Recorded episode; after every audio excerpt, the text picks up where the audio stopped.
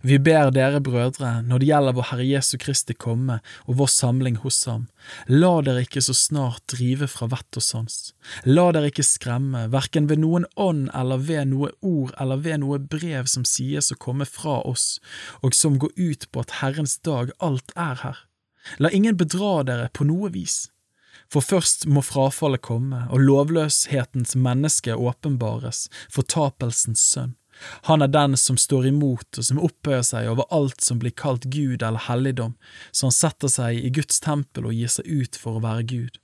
Minnes dere ikke at jeg sa dere dette da jeg ennå var hos dere? Og nå vet dere hva det er, det som holder igjen, slik at Han først skal åpenbares når tiden for dette er inne. For lovløshetens hemmelighet er alt virksom, bare at den som nå holder igjen, må bli tatt bort. Da skal den lovløse åpenbares, han som Herren Jesus skal ødelegge med sin munns ånde og tilintetgjøre når hans gjenkomst åpenbares i herlighet. Den lovløse kommer etter Satans virksomhet med all løgns makt og tegn og under. Det skjer med all urettferdighetens forførelse blant dem som går fortapt, fordi de ikke tok imot kjærlighet til sannheten så de kunne bli frelst. Derfor sender Gud dem kraftig villfarelse, så de tror løgn, for at de skal bli dømt, alle de som ikke har trodd sannheten, men hadde sitt behag i urettferdigheten.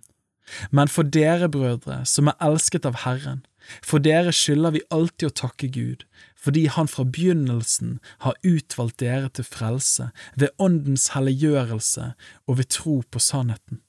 Til dette kalte han dere ved vårt evangelium, for at dere skal vinne vår Herre Jesu Kristi herlighet. Stå derfor støtt, brødre, og hold fast på den overlevering dere er blitt opplært i, enten ved tale eller ved brev fra oss.